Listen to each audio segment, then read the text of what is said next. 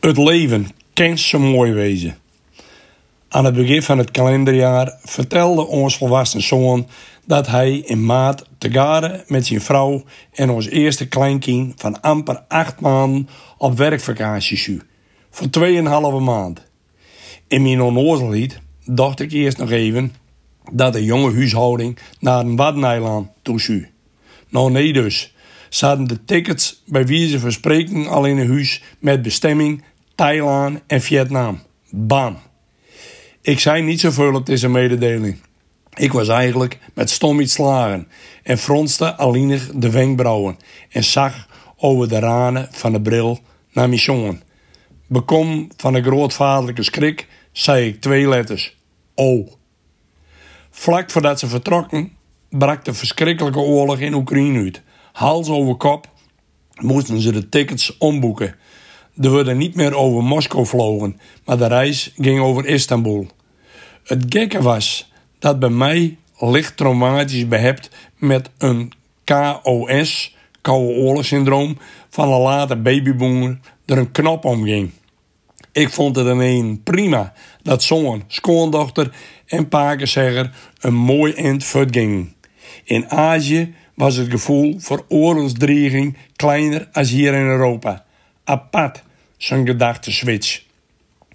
Al op een week was ik bij Gosse Haga in Sloten op bezoek om een verhaal voor de FP-serie Vertellers in Friesland op te tekenen.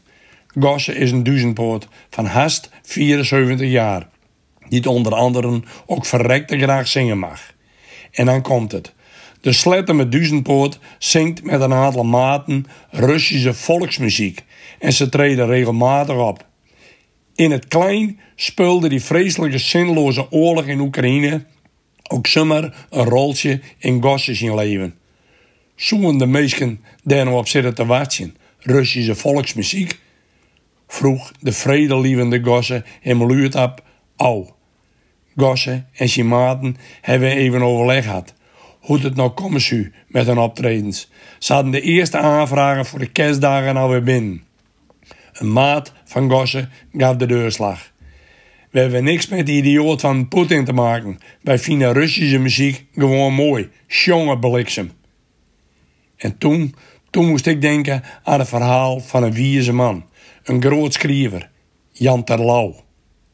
Die vertelde ooit over hoe hij in het voorjaar van 1945 de Duitse troepen al marcheren zag door de dorpstraat. Of nee, niet marcheren, meer verslagen honden ze dropen de Duitsers. Jongens, eigenlijk nog kinders, die in opdracht van Poetin zijn voorganger voor dood en verderf zorgd hadden. Een klein jonkje in de rij met joelende dorpsgenoten had krekt even eerder die morgen een reep chocolade van een Canadese soldaat kregen. En toen, in een flits, spatte het jonkje uit de rij, de reep chocola in de knuskes, die hij aan een Duitse soldaat gaf. Toen hij in de rij terugkeerde, kreeg hij een slag aan de hasses met de woorden: Schaam je! De oorlog was blijkbaar nog niet aflopen.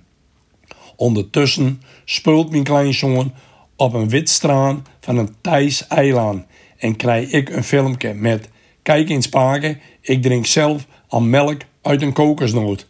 Dat schreef zijn moeke erbij. Het leven kan zo mooi wezen.